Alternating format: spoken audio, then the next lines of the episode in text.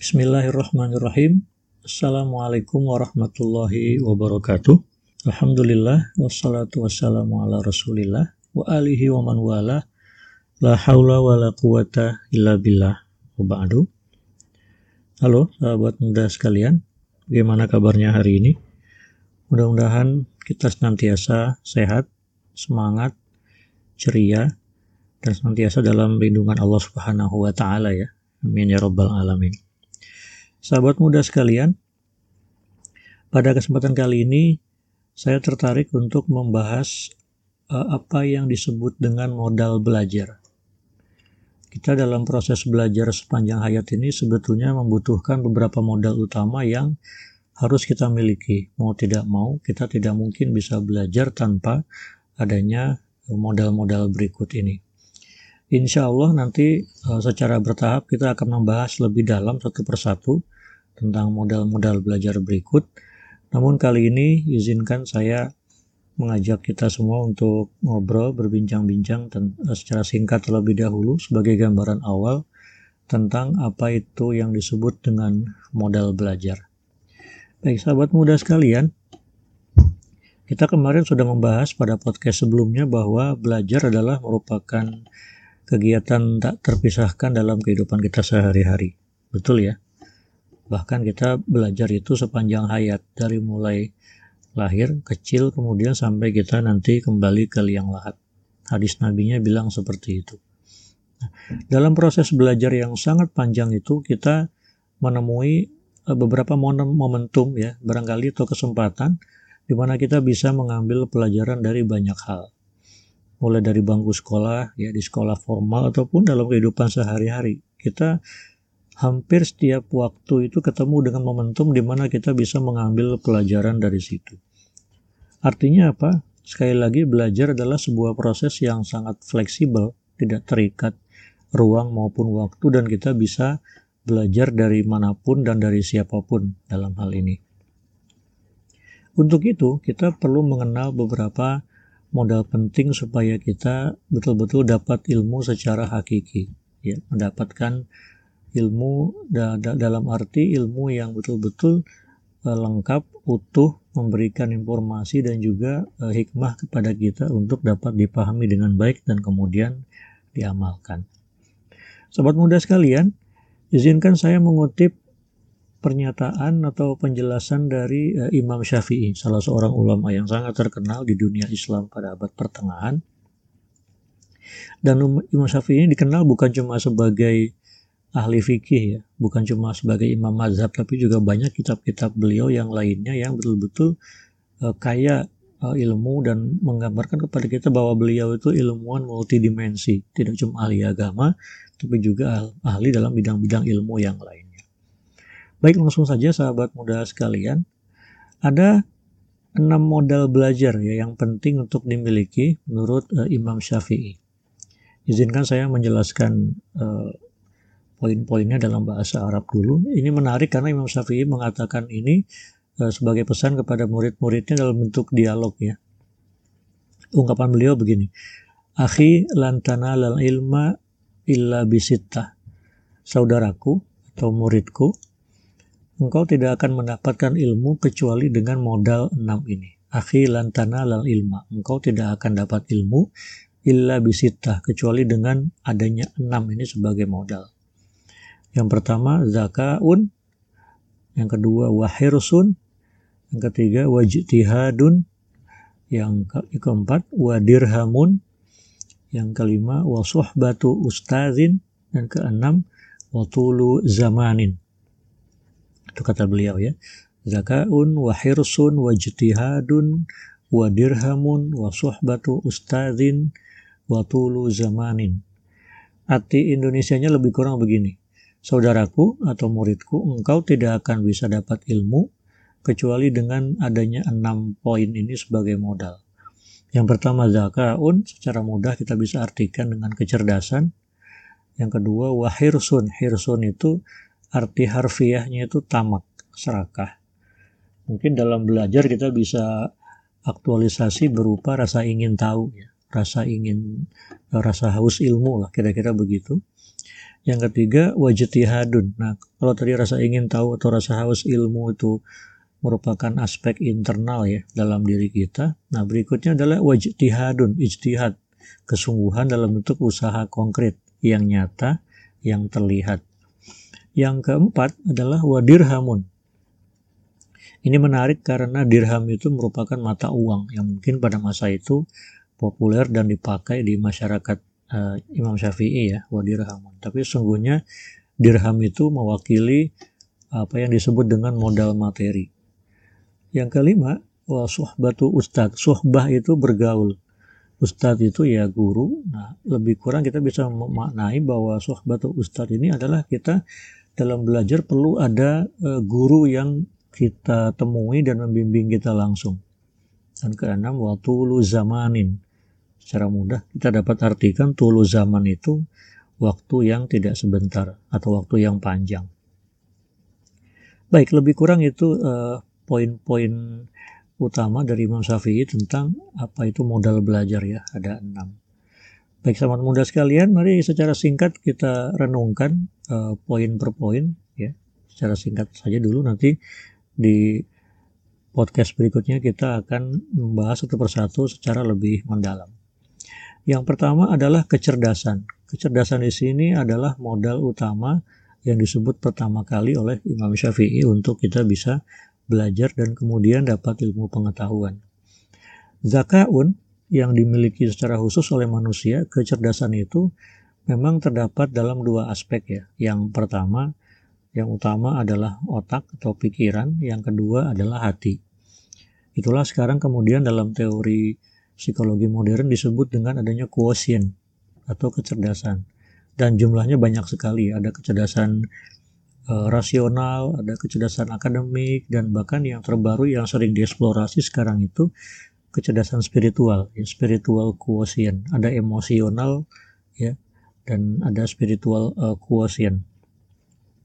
Kalau kita pahami bahwa kecerdasan itu adalah tahapan atau proses berpikir maka ya saya mau bilang selama manusia punya otak, selama manusia punya ya sebuah benda dalam dirinya di kepala yang disebut dengan otak, maka insya Allah manusia punya kecerdasan.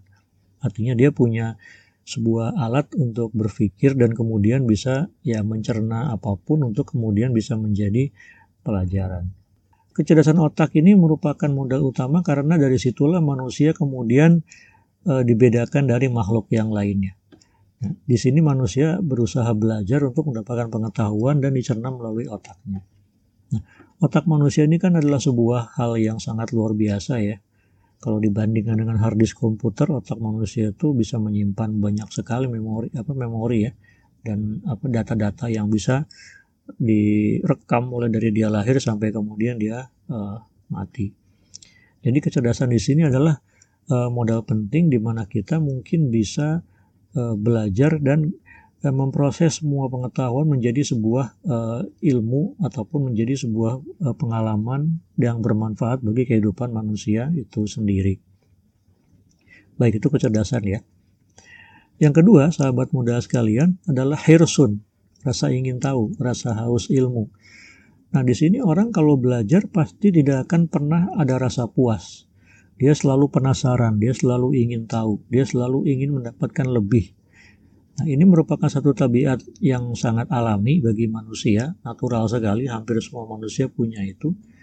Jadi ketika manusia mungkin dalam banyak hal ya, lebih sering mengaktualisasi rasa haus atau rasa inginnya itu lebih pada harta. Nah, orang-orang kalau mau dapat ilmu juga harus seperti itu, harus punya rasa apa ya, rasa haus rasa ingin tahu dan tidak pernah puas. Jadi kalau kalau ada orang belajar dan merasa cukup atau merasa puas sampai titik tertentu, wah itu ilmunya tidak maksimal. Jadi dia harus punya rasa ingin tahu yang yang mendalam. Modal ketiga, sahabat muda sekalian, menurut Imam Syafi'i adalah kesungguhan. Nah, kalau tadi rasa haus itu mendorong lahirnya motivasi dan semangat yang berkelanjutan, sekarang itu kesungguhan. Kesungguhan adalah upaya fisik yang nyata, yang real dilakukan terkait dengan bagaimana manusia itu mewujudkan keinginannya. Dia mis misalnya eh, dia harus belajar ke tempat yang jauh, maka kesungguhan itu ditunjukkan dengan dia berangkat. ya, menghadapi segala bentuk tantangan, hambatan, rintangan dan sebagainya harus sampai tujuan. Lalu di tempat belajar ya banyak tuntutan lagi, banyak hal yang harus dilakukan, yang harus dipenuhi, maka dia berusaha untuk mewujudkan atau memenuhi semua kebutuhan itu. Nah, kesungguhan ini merupakan gambaran bahwa manusia itu betul-betul selaras ya apa yang dipikirannya dan ditindakannya. Kalau dia memang berminat dalam suatu ilmu, maka dia akan berjuang sampai titik maksimum kemampuan dia untuk mencapai apa yang dia inginkan. Nah, kalau orang tidak punya kesungguhan, tidak hanya punya semangat, ya semua tidak akan terjadi. Apa yang dia inginkan tidak akan pernah terwujud. Sama seperti kita mau belanja, ah pengen punya ini, pengen punya itu, tapi nggak mau berusaha. Kalau dulu mungkin orang belanja itu ya keluar rumah, datang ke pasar, lalu dia beli dan selesai. Sekarang orang belanja bisa dengan banyak hal. Sekarang mungkin eh, kita populer dengan menggunakan sistem belanja daring atau belanja online ya kita hanya punya apa hanya ingin punya barang ini barang tapi tidak melakukan transaksi online ya tidak akan sampai barang itu ke rumah kita. Jadi kesungguhan itu adalah upaya yang betul-betul ditunjukkan untuk ya mewujudkan apa yang kita maui atau kita inginkan. Sahabat muda sekalian modal berikutnya yang keempat yang disebut oleh Imam Syafi'i itu adalah materi. Ya, saya mengutip ungkapan atau proverb ya peribahasa dari barat dari bahasa Inggris itu There is no such free lunch. Tidak ada makan siang gratis. Gratis itu maksudnya ya didapatkan dengan cuma-cuma tanpa modal. Bagaimanapun orang misalnya dapat gratis tapi paling tidak ada sedikit banyak modal yang dia keluarkan. Misalnya dulu dan mungkin nanti juga di Indonesia masih akan ada mekanisme namanya bantuan langsung tunai. Jadi sebagian warga mendapatkan bantuan uang tunai dari pemerintah betul dia akan dapat bantuan, betul dia akan dapat uang, betul dia eh, mungkin tidak keluar modal harta untuk ya eh, pergi ke tempat itu atau ke kantor pos misalnya untuk mendapatkan uang. Tetapi dia tetap keluar rumah, ya keluar ongkos untuk mencapai tujuan itu. Lalu dia berkorban waktu untuk menunggu antrian dan sebagainya. Artinya apa? Selalu ada yang dikorbankan, selalu ada yang menjadi kompensasi kalau kita mau mendapatkan uh, sesuatu dalam hal ini ilmu pengetahuan. Para ulama dulu ya dikisahkan dalam proses mereka belajar itu berguru ke sejumlah orang, ke sejumlah ulama lain yang lebih senior dan mereka butuh waktu untuk perjalanannya ya. Bayangkan di perjalanan sekian bulan, sekian tahun, tidak mungkin tanpa bekal. Pasti mereka paling tidak punya modal logistik ya buat ya kebutuhan perjalanan, makan, minum dan sebagainya. Kalau dulu mungkin orang ya pergi-pergi itu hanya modal unta dan makanan serta tenda untuk bermalam. Sekarang orang belajar itu ya banyak hal. Ya, kalau kita mau kuliah merantau ya kita pasti butuh biaya transportasi ya atau ongkos kendaraan. Lalu kemudian di tempat di kampus yang bersangkutan kita pasti butuh biaya untuk uh, tempat tinggal, kos, apartemen dan sebagainya. Nah, itu adalah modal materi yang pasti akan kita keluarkan dalam proses kita belajar belum lagi ada biaya kuliah dan sebagainya biaya studi ya. Belum lagi biaya ekstrakurikuler dan sebagainya. Artinya banyak modal materi yang akan kita keluarkan terkait proses kita belajar menuntut ilmu tersebut. Yang kelima sahabat muda sekalian modal yang penting juga dalam belajar adalah wasoh batu ustad. Sohbah itu bergaul ustadz itu guru. Belajar itu pasti ada guru dan kita bergaul dengan guru itu, berkomunikasi, bertatap muka, berdialog, merasakan bimbingan langsung. Ada ya komunikasi uh, face to face, ada komunikasi uh, tertulis misalnya. Nah, di sini keberadaan guru memang uh, penting untuk memastikan bahwa proses kita belajar itu pada track yang benar. Sekarang mungkin banyak orang membangun sistem belajar secara mandiri, sistem belajar daring, ada aplikasi otodidak segala macam. Ya, kita bisa coba saja bandingkan bagaimana hasilnya antara kita belajar otodidak tanpa guru tanda kutip ya dan kita belajar dengan adanya guru langsung. Pasti beda. Pasti beda. Orang kalau belajar otodidak ya berarti dia betul-betul mengandalkan kemandirian dia dan lebih banyak nanti prosesnya itu trial dan error coba salah, coba salah. Bisa dibayangkan untuk sampai ke hasil yang semestinya kita butuh berapa kali coba salah. Mungkin akan sampai ke titik tertentu, mungkin akan sampai ke tujuannya, mungkin akan sampai ke penemuan penting, tapi prosesnya pasti akan sangat lama. Ya, konon uh, dulu ilmuwan pencipta lampu itu membutuhkan hampir berapa 5000 kali kalau tidak salah uji coba sampai kemudian dia bisa ya menemukan lampu dan berfungsi sebagaimana yang dia harapkan. Nah, jadi guru ini penting dalam rangka ya kita menerima atau menimba ilmu dari dia langsung dan kemudian dia meyakin memastikan kepada kita bahwa prosesnya itu yang kita jalani sesuai dengan uh, yang beliau tetapkan. Itu tentang guru ya. Poin terakhir ya sahabat muda sekalian, waktu yang tidak sebentar. Tulu zaman, waktu yang lama, proses yang berjenjang. Nah, ini juga mengingatkan kita bahwa tidak ada ilmu yang instan. Tidak ada ilmu yang hakiki, tidak ada ilmu yang sejati yang bisa didapat dengan hanya dalam waktu 1, 2, 3 pertemuan. Atau hanya 1, 2, 3 jam. Saya sering kali kalau ada buku atau paket pembelajaran yang mengatakan bahwa oh dalam sekian jam Anda mahir menguasai A, dalam sekian jam Anda bisa membaca B, dalam sekian waktu Anda dapat menguasai keahlian ini. Saya kok ragu ya. Mohon maaf bukan karena apa, tapi karena pernah mengalami beberapa hal. Jadi kalau orang mau ahli dalam suatu bidang, ya prosesnya nggak mungkin instan deh, nggak akan mungkin secepat yang yang bisa dia bayangkan. Oke lah, katakan dia dapat ya, uh, misalkan kalau dia dengan belajar paket A dia bisa menguasai satu ilmu hanya dalam lima pertemuan.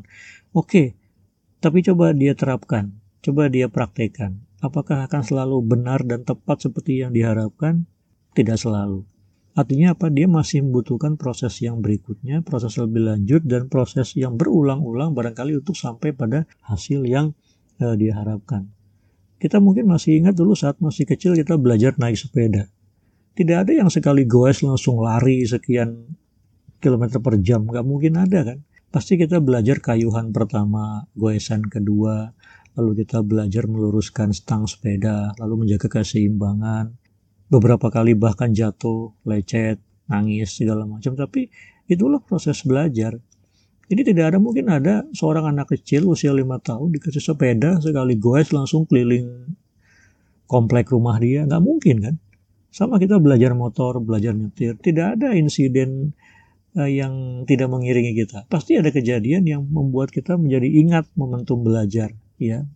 Naik sepeda jatuh, naik motor ya ada aja kejadian. Belajar nyetir mobil pasti aja ada kejadian yang membuat kita ingat dan pada akhirnya kita belajar dari kesalahan itu. Nah itu kan berlangsung dalam beberapa waktu tidak langsung bisa. Kita baca buku misalnya. Kita beli buku buku teori lalu kita baca. Mungkin nggak sekali baca kita paham nggak sekali baca kita ngerti. Nah pasti ada tahapan di mana kita merasa buntu. Ini kok maksudnya apa ya? Susah banget dipahami begitu Nah kita berhenti, tutup buku, kita endapkan, kita berpikir hal lain, atau menemukan tulisan baru yang uh, membantu kita memahami itu. Oh, baru kita paham ternyata maksud dari penjelasan buku itu ya seperti itu toh. Jadi itu boleh jadi tidak ketemu langsung. Bahkan kita perlu sekian lama untuk mencari, menemukan, memahami kembali dan seterusnya. Jadi eh, dengan demikian sahabat muda sekalian ya, proses belajar itu memang tidak bisa singkat, tidak bisa sebentar dan ada enam modal yang harus kita miliki secara lengkap sebisa mungkin. Artinya kalau kita kurang salah satu saja, ya ilmu kita terbatas. Nah, kalau kita mau lebih mendalam lagi ya, enam poin itu harus kita uh, betul-betul punyai dan uh, ada semua pada diri kita. Yang pertama kecerdasan, yang kedua rasa ingin tahu atau rasa haus ilmu, yang ketiga itu kesungguhan, tindakan ya. Keempat materi, ada modal materi yang kita siapkan dan kita keluarkan. Lalu adanya guru, batu ustadin, dan terakhir waktu dan proses yang tidak sebentar, watulu zamanin. Insya Allah di podcast berikutnya kita akan mengulas satu persatu uh, enam modal itu supaya kita dapat memahami aspek-aspek penting dalam keenam poin itu secara lebih mendalam. Untuk kali ini sekian dulu podcast kita. Mudah-mudahan dapat memberikan pengetahuan eh, dan bekal penting bagi kita untuk dapat selalu belajar sepanjang hayat. Amin ya robbal alamin. Sampai jumpa di podcast berikutnya. Terima kasih. Wassalamualaikum warahmatullahi wabarakatuh.